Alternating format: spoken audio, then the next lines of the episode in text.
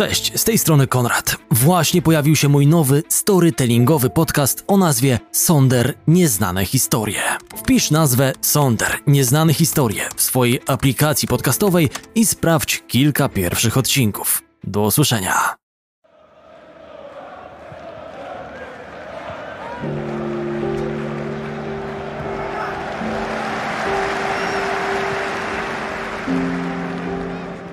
Czwartego lipca 2004 roku Estadio da Luz w Lizbonie trwa właśnie finał Mistrzostw Europy w piłce nożnej. Gospodarze turnieju, Portugalczycy, mierzą się w nim z absolutnym czarnym koniem tych rozgrywek Grekami. Przybysze z Hellady niespodziewanie dobrnęli do decydującego spotkania Euro, stawiając po drodze na dyscyplinę taktyczną oraz głęboko cofniętą linię obrony. Nie inaczej jest i w tym meczu. Minęła już prawie godzina gry, a napierający Portugalczycy wciąż nie potrafią znaleźć drogi do bramki Antoniosa Nikopolidisa. Ich przeciwnicy starają się odgryźć nielicznymi kontratakami, upatrując swoich okazji w stałych fragmentach gry. Jedna z takich szans nadarza się w 57 minucie spotkania. Wówczas to podopieczni niemieckiego szkoleniowca Otto Rechhagela wywalczają rzut rożny.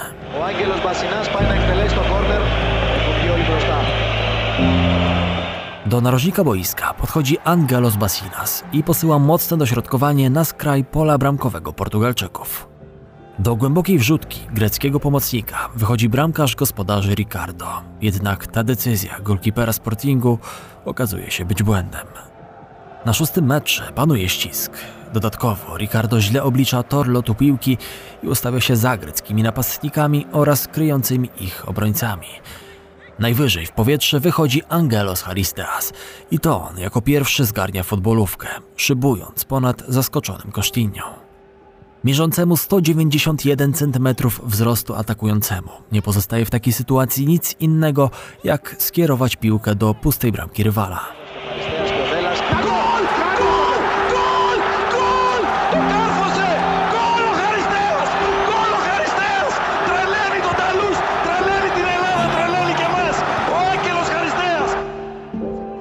Kibice zgromadzeni na Stadionie Światła doznają szoku. Grecy znowu to robią.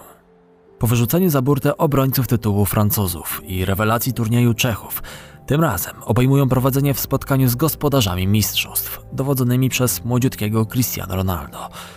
Portugalczycy rzucają się do rozpaczliwych ataków. Jednakże, gdy już udaje im się przedrzeć przez zasieki stworzone przez graczy w białych kostiumach, to albo zawodzą ich celowniki, albo na przeszkodzie staje im Antonios Nikopolidis.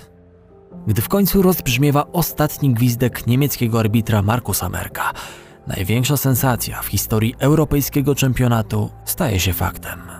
Drużyna skazywana przed turniejem na pożarcie sięga gwiazd i wznosi w górę puchar przeznaczony dla mistrzów.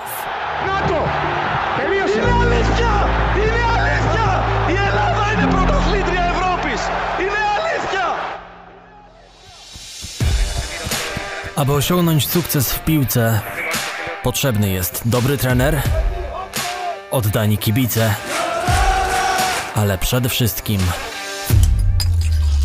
odpowiedni skład. Historie z boiska i Okocim grają razem. Podcast w dobrym składzie. Dzień dobry, drodzy słuchacze. Witajcie w drugim odcinku serii poświęconej historycznym wydarzeniom na Mistrzostwach Europy. Do Euro pozostały już tylko dni, więc wraz z Marką Okocim przygotowaliśmy dla Was odcinek, którego no, nie mogło tutaj zabraknąć. W dzisiejszym epizodzie Historii z boiska przypomnimy sobie drogę reprezentacji Grecji do ich największego sukcesu. Zatem rozsiądźcie się wygodnie i wysłuchajcie historii o Euro 2004.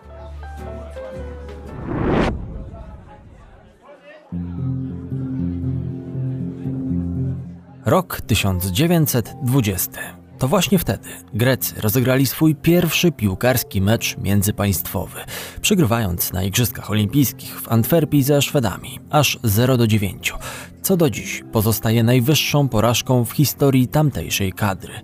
Ciężko również stwierdzić, by kolejne kilkadziesiąt lat istnienia niebiesko-białej drużyny narodowej było już tylko pasmem samych sukcesów. Dość powiedzieć, że do 2004 roku Grecy zaledwie po jednym razie kwalifikowali się zarówno do Mistrzostw Świata, jak i Europy. Zresztą oba te turnieje przybysze spod Akropolu zakończyli już na fazie grupowej, nie odnosząc w nich żadnego zwycięstwa.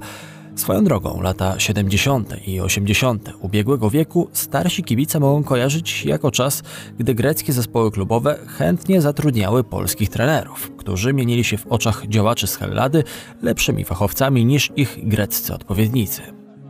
Ciężko było temu zaprzeczyć. Złota dekada polskiego futbolu wypromowała kilka trenerskich nazwisk. Kazimierz Górski oraz Jacek Gmoch w pełni wykorzystali swoje greckie 5 minut i zdobyli łącznie aż 7 mistrzostw tego kraju, jako opiekunowie różnych drużyn. W Grecji pracował także inny z naszych rodaków, Antoni Brzeżańczyk. Tym samym możemy pokusić się o stwierdzenie, że polska myśl szkoleniowa odcisnęła mocne piętno na tamtejszym futbolu. Jednakże to nie Polakowi Grecy zawdzięczają swój największy piłkarski sukces. Otto Rehagel. Tak brzmiało imię i nazwisko trenera, który miał pchnąć grecki futbol do przodu. Był sierpień 2001 roku. Niemiecki szkoleniowiec zastąpił na stanowisku selekcjonera niebiesko-białych Wasilisa Danila. Rehagel w pierwszej kolejności miał dokończyć nieudane dla Greków eliminacje do Mistrzostw Świata w Korei i Japonii. Doświadczony 63-letni szkoleniowiec pokonał w wyścigu o nową posadę kilku uznanych kolegów po fachu. Między innymi Włocha Nevio Scale i Anglika Terego Venablesa. Sam jednak również mógł się pochwalić imponującym CV. Jako trener trzykrotnie zdobywał mistrzostwo niemieckiej Bundesligi, dwukrotnie jako opiekun Werderu Brema i raz jako szkoleniowiec Kaiserslautern. W jego prywatnej gablocie znajdowały się także trzy puchary Niemiec. Jednakże już pierwszy mecz o punkty w roli selekcjonera niebiesko-białych pokazał, że Rechhagela czeka bardzo trudna i wyboista droga. W meczu eliminacyjnym do wspomnianego azjatyckiego mundialu Grecy przegrali na własnym boisku z Finlandią aż 1 do 5. Piłkarze z ojczyzny Pitagorasa byli za to bliscy sprawienia niespodzianki miesiąc później, gdy na Old Trafford aż do 93 minuty prowadzili z Anglikami 2 do 1. Ostatecznie zremisowali tamto spotkanie po tym, jak stan meczu kapitalnym strzałem z rzutu wolnego wyrównał David Beckham, tym samym dając synom Albionu bezpośredni awans na światowy czempionat.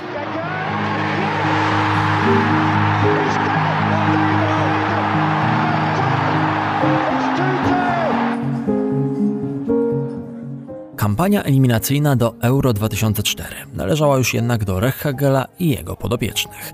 Grecy trafili do jednej grupy kwalifikacyjnej wraz z Hiszpanami, Ukraińcami, Armenią oraz Irlandią Północną. Niemiecki szkoleniowiec miał dość czasu, by odpowiednio poukładać klocki, chociaż początek eliminacji kompletnie nie wskazywał na to, że gracze z Hellady mogą przedrzeć się przez wąskie sito i wywalczyć upragniony awans. Wszak dwie pierwsze kolejki zakończyły się porażkami Greków z ich dwoma najgroźniejszymi rywalami Hiszpanią i Ukrainą.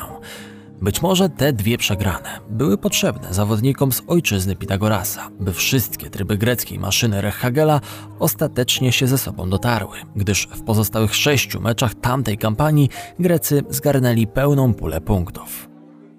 Szczególnie cenna była wygrana odniesiona na stadionie w Saragoście, gdzie ekipa Hagela pokonała Hiszpanów 1 do 0.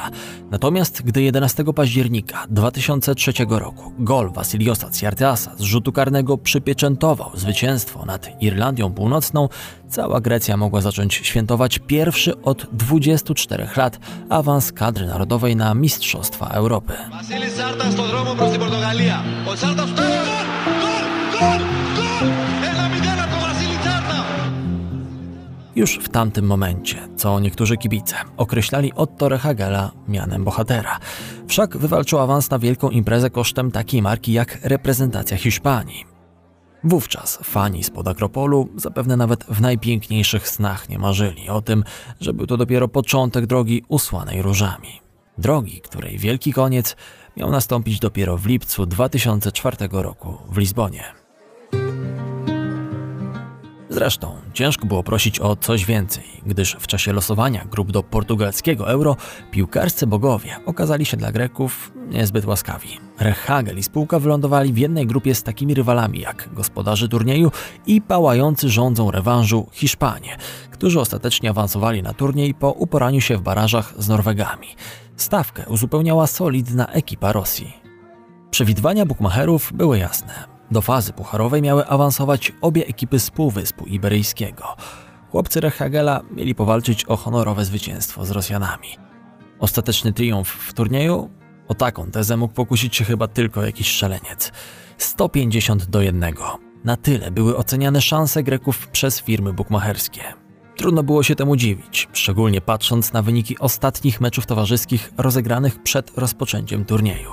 Porażka 0 do 4 z Holendrami w Eindhoven i przegrana 0 do 1 w Szczecinie z reprezentacją Polski po samobójczym golu Michalisa Kapsisa.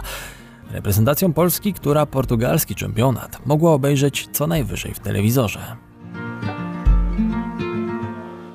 Moi zawodnicy myśleli, że spotkanie towarzyskie to będzie spacerek, ale zobaczyli, że czeka ich ciężka przeprawa. Muszą zrozumieć, że każdy mecz, każdą akcję muszą traktować poważnie. Graliśmy dziś bez trzech napastników z podstawowego składu i to może być jakimś usprawiedliwieniem naszej nieskuteczności.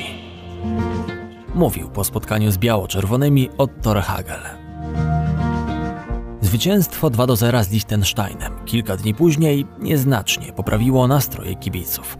Głównym zadaniem graczy spod Akropolu było odniesienie pierwszego w historii ich kraju zwycięstwa na Mistrzostwach Europy. Wszystko wywalczone ponadto byłoby rozpatrywane w kategorii sukcesu. Jednakże niemal trzyletnia praca Rechhagela na stanowisku selekcjonera Greków niosła za sobą największy atut tej drużyny dyscyplinę taktyczną i defensywny monolit, jakim stali się niebiesko-biali pod wodzą świetnego niemieckiego stratega. W dodatku Rechhagel wpoił swoim podopiecznym, że drużyna narodowa stanowi najwyższe dobro i nie ma w niej miejsca na lokalne niesnaski pomiędzy piłkarzami z Pireusu, Aten i Salonik, co często miewało miejsce przed objęciem przez niego sterów kadry. Stop z tworzeniem się podziałów i grupek. Skoro odstajemy od najlepszych poziomem gry, to musimy nadrabiać wolą walki. W kadrze Hellady nie było miejsca na gwiazdorzenie. Gdy mający za sobą występy w Interze, doświadczony obrońca Georgios Georgatos głośno wyraził swoje niezadowolenie ze zmiany pozycji, jaką chciał mu zafundować w kadrze Rechhagel, niemiecki trener rozwiązał jego problem i nigdy więcej nie powołał go do drużyny narodowej. Byliśmy jak rodzina. Nie byliśmy kadrą, w której może występować 55 różnych graczy. U nas była dwudziestka, która miała zawsze miejsce w kadrze. Dochodziło lub odchodziło maksymalnie dwóch, trzech graczy. To powodowało, że byliśmy ze sobą blisko. Potrafiliśmy się wzajemnie za siebie poświęcić. Opowiadał w wywiadzie dla ESPN Takis Fizas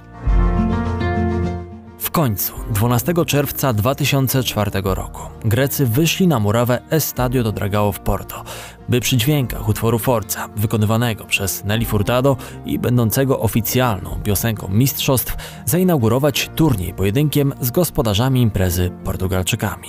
Miejscowi fani nie wyobrażali sobie w tym meczu innego scenariusza niż łatwa wygrana ich zespołu, napędzanego piłkarzami FC Porto, które kilka tygodni wcześniej niespodziewanie zatriumfowało w Lidze Mistrzów, weteranami w postaci Luisa Figo czy Rui Koszty i nastoletnią gwiazdą Manchester United Cristiano Ronaldo.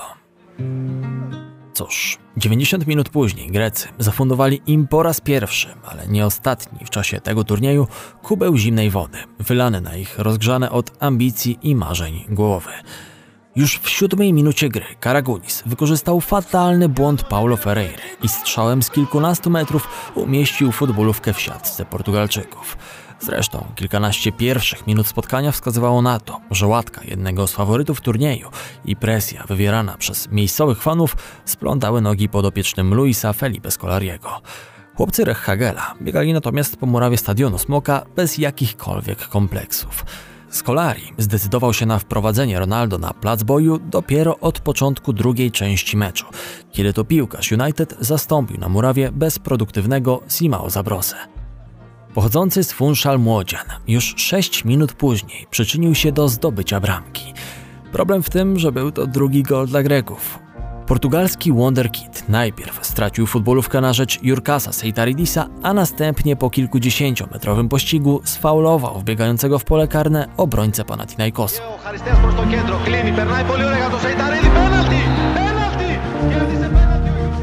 Chwilę później na 2 do 0 z rzutu karnego podwyższył Angelos Basinas.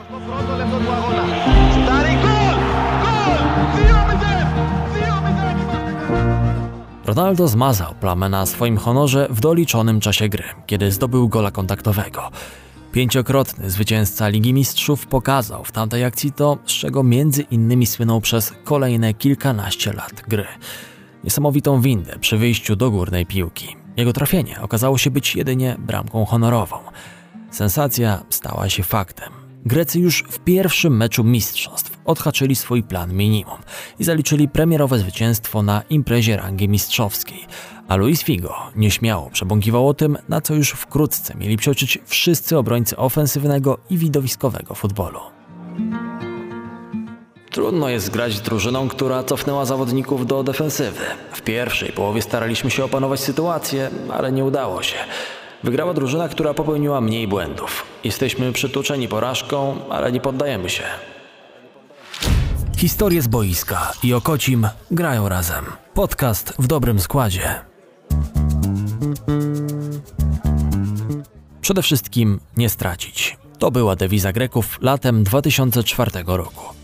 Ofiarna gra obronna, czasami nasuwająca na myśl hokeistów blokujących gumowy krążek własnym ciałem. Do tego czyhanie na szybki kontratak i stałe fragmenty, bite na rosłych zawodników lubiących walkę w powietrzu. Ciężko było szukać polotu czy finezji w filozofii gry Rechagela, ale niemiecki selekcjoner nie miał zamiaru dać swoim podopiecznym pięknie ginąć.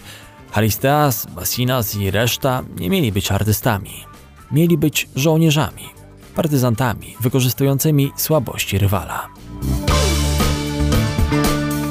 Kilka dni później po raz kolejny przekonali się o tym także Hiszpanie. Słodki odwet podopiecznych Iniakiego Seeza za eliminacyjne upokorzenie pozostał tylko mrzonką. Co prawda strzelanie na stadionie Boawiszty rozpoczął Fernando Morientes, który wykorzystał efektowne podanie piętą Raula Gonzaleza, ale w drugiej połowie Haristeas uderzył między nogami Ikera Casillasa, dzięki czemu niebiesko-biali mogli zapisać sobie na konto kolejny punkt. Cztery oczka uzbierane w meczach z zespołami z Półwyspu Iberyjskiego, takie rozwiązanie przed turniejem brałby w ciemno chyba każdy grecki kibic.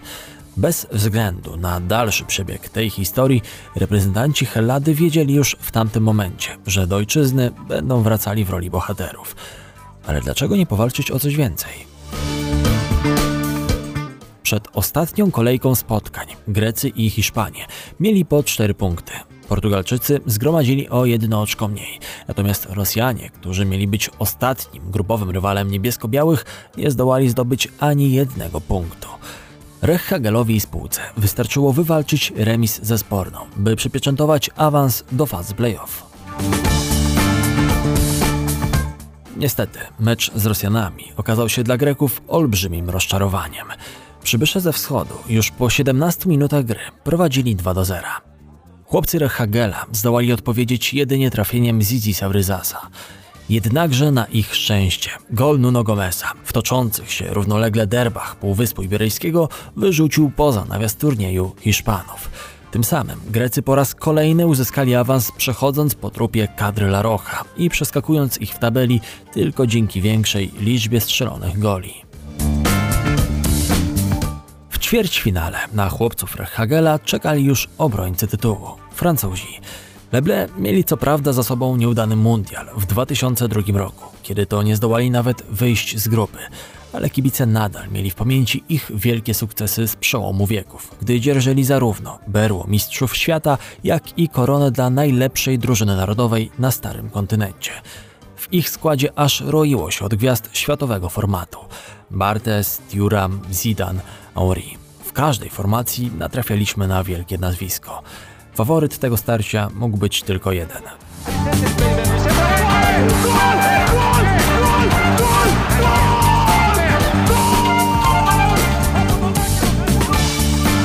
Nawet gdy w 65 minucie spotkania szarża Zagorakisa prawą flanką i precyzyjna wrzutka na głowę Haristeasa przyniosła Grekom prowadzenie, większość kibiców wierzyła, że Francuzi będą jeszcze w stanie odpowiedzieć im co najmniej dwoma golami. Jednakże kolejne minuty upływały w szybkim tempie, a próby ataku obrońców tytułu spełzały na niczym. Bramka Nikopolidisa, nazywanego greckim George'em Clooneyem z racji jego fizycznego podobieństwa do amerykańskiego aktora, była jak zaczarowana.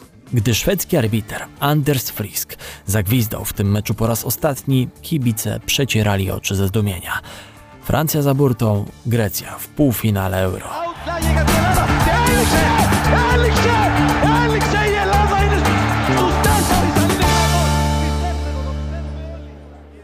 Była to kolejna wspaniała partia szachów rozegrana przez Rech Hagela, który w tym meczu kompletnie odciął od gry Thierry'ego Auriego, przydzielając mu indywidualne krycie w postaci Seitaridisa. Półfinałowe starcie Greków z Czechami miało być swoistym zderzeniem dwóch piłkarskich światów – grających antyfutbol, pragmatycznych i nudnych przybyszów spod Akropolu oraz cieszących oczy kibiców najbardziej efektownym futbolem na tym turnieju Czechów. Nasi południowi sąsiedzi urastali do rangi głównych faworytów portugalskiego czempionatu, podbijając przy okazji serca neutralnych fanów piłki. Ich starcie z Holendrami w fazie grupowej mistrzostw, wygrane przez ekipę Karela Brucknera 3 do 2, było prawdziwym spektaklem i do dziś pozostaje jednym z najwspanialszych widowisk w historii europejskiego turnieju.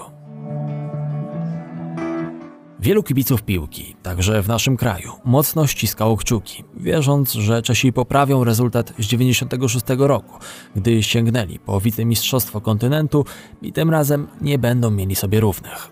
Przecież ktoś w końcu musiał powstrzymać tych szalonych Greków. Ich szczęście nie mogło trwać wiecznie. Nasi południowi sąsiedzi zaczęli to półfinałowe starcie z ogromnym animuszem. Już na samym początku spotkania potężny wolej Tomasa Rozickiego obił poprzeczkę bramki Nikopolidisa.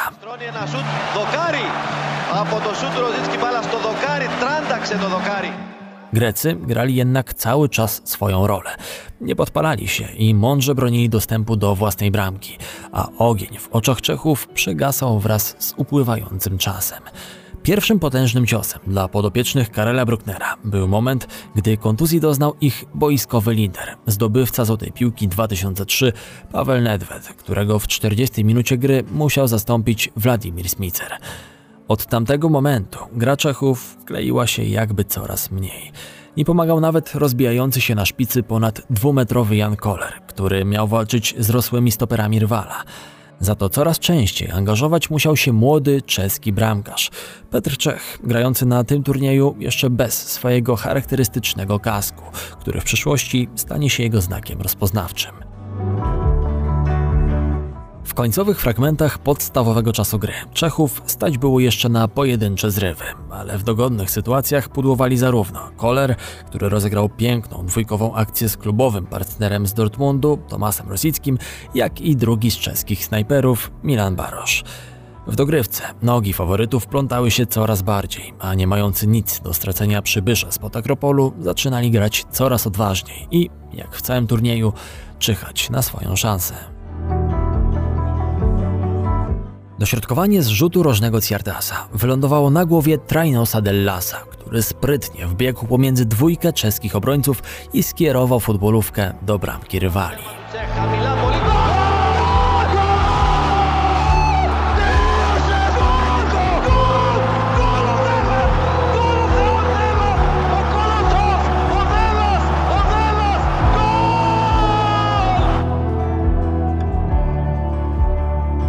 Euro 2004 było jedynym wielkim turniejem, na którym obowiązywała przedziwna zasada srebrnego gola.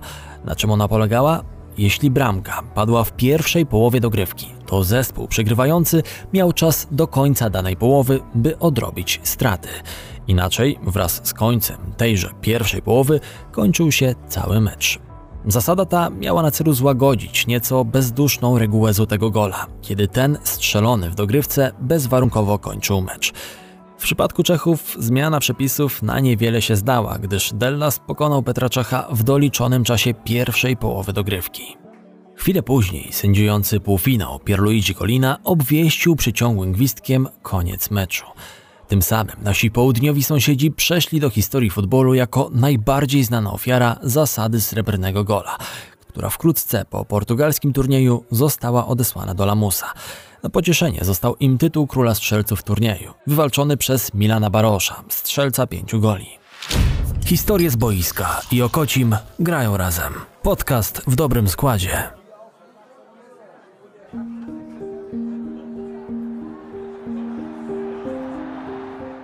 4 lipca 2004 roku. Estadio Dalus w Lizbonie. Zbliża się 22. W powietrzu wirują niebieskie i białe skrawki konfetti. Z głośników płyną dźwięki przeboju Queen We Are The Champions. Na podejście przeznaczonym dla piłkarskich mistrzów Europy stoi Theodoros Zagorakis i dumnie prezentuje światu trofeum wywalczone przez niego oraz jego kolegów. Nie jest to Luis Figo i gospodarzy turnieju. Nie Zinedine Zidane i trójkolorowi. Nie David Beckham i synowie Albionu. Część kibiców cieszy się ze zwycięstwa piłkarskiego kopciuszka, underdoga skazywanego przed turniejem na porażkę. Inni są zniesmaczeni defensywnym stylem podopiecznych Rechhagela, którzy ukryci za podwójną gardą tylko czekali na błędy rywala. Żałują młodziutkiego Cristiano Ronaldo, który po finałowej porażce zalał się łzami przed kamerami telewizyjnymi. Nie wiedzą jeszcze, że 12 lat później CR7 i tak pociągnie swoją kadrę do triumfu w Mistrzostwach Europy, chociaż Portugalczycy będą dysponowali wówczas drużyną o wiele mniejszym potencjale niż w 2004 roku. Tymczasem brak triumfu na ojczystej ziemi powinien bardziej doskwierać tym, dla których był to ostatni dzwonek. Pokoleniu mistrzów świata juniorów z 91 roku z Luisem Figo na czele. Luisem Figo, który w dniu finału doznał podwójnego upokorzenia. Nie dość, że jego drużyna przegrała mecz, to w dodatku on padł ofiarą katalońskiego prankstera i agenta nieruchomości, Jimmy'ego Jumpa, prywatnie fana FC Barcelony, który podczas spotkania wbiegł na murawę i cisnął w Figo flagą Blaugrany. Nim dopadła go ochrona. Wielu ekspertów triumf Greków przytaczało jako dowód na to, że piłkarski kalendarz jest za bardzo napięty i jego największe gwiazdy futbolu przyjeżdżają na turniej przemęczone. Luis Figo rozegrał w sezonie 2003-2004 w barwach Realu 55 oficjalnych meczów, Raul González 53. Dla porównania, Karagunis rozegrał takich spotkań 16, a Haristeas dostał w Werderze Brema łącznie 887 minut gry. Rechagel dysponował w Portugalii grupą stosunkowo świeżych i głodnych gry piłkarzy, co również miało kolosalne znaczenie dla końcowego sukcesu niebiesko-białych. A piłkarskie władze przez 17 kolejnych lat nie zrobiły nic, by chociaż w małym stopniu rozładować napięty do granic możliwości harmonogram spotkań, co przy okazji ostatniego zamieszania wokół Superligi poruszył choćby Ilkay Gundogan. Ale to temat na zupełnie inną opowieść. Kiedy sędzia skończył mecz, to było tak, jakby zgasły wszystkie światła. Puste miejsce w mojej pamięci. Ten sam stały uśmiech idioty gościł na mojej twarzy przez nie wiem ile minut. Po raz kolejny udowodniliśmy, że grecka dusza jest i zawsze będzie naszą siłą. To największy dar, jaki kiedykolwiek dostaliśmy od Boga. Daliśmy naszym rodakom więcej niż chwilę radości. Będziemy z tego dumni już na zawsze. To słowa kapitana Greków i MVP Euro 2004 Zagorakisa. Eksperci, kibice i wszelkiej maści malkontenci mogą próbować umniejszać stylowi, w jakim chłopcy Rechhagela sięgnęli po triumf na Euro 2004. Mówić o antyfutbolu, defensywnym stylu gry, szczęściu, zmęczonych rywalach czy czymkolwiek innym. Fakty jednak są takie, że piłkarze z Hellady na zawsze zapisali się w futbolowych kronikach złotymi zgłoskami już na zawsze pozostaną synonimem piłkarskiego Dawida, który po drodze do ostatecznego triumfu pokonał nie jednego, a kilku Goliatów. Otto Hagel na zawsze zostanie zapamiętany jako taktyczny geniusz, który dysponując ograniczonymi zasobami ludzkimi potrafił stworzyć dobrze naoliwioną maszynę, złożoną z graczy będących postaciami drugo- i trzecioplanowymi w swoich europejskich klubach, która w fazie playoff nie straciła żadnego gola. A greccy fani prawdopodobnie już nigdy nie doczekają się dwóch rodaków w czołowej piętnastce klasyfikacji złotej piłki. A jak wy, drodzy słuchacze, zapamiętaliście tamten triumf greckiej drużyny narodowej? Czy była to dla Was piękna historia piłkarskiego kopciuszka, czy może przychylacie się do słów opublikowanych po tamtym zwycięstwie przez brytyjskiego Guardiana, który napisał następująco. Był to jedyny underdog w historii futbolu, któremu wszyscy życzyli porażki. Czekam na Wasze opinie w komentarzach na YouTube pod tym odcinkiem oraz dziękuję za każdą łapkę w górę. To naprawdę ma znaczenie. Konrad Szymański, kłaniam się nisko, do usłyszenia niebawem.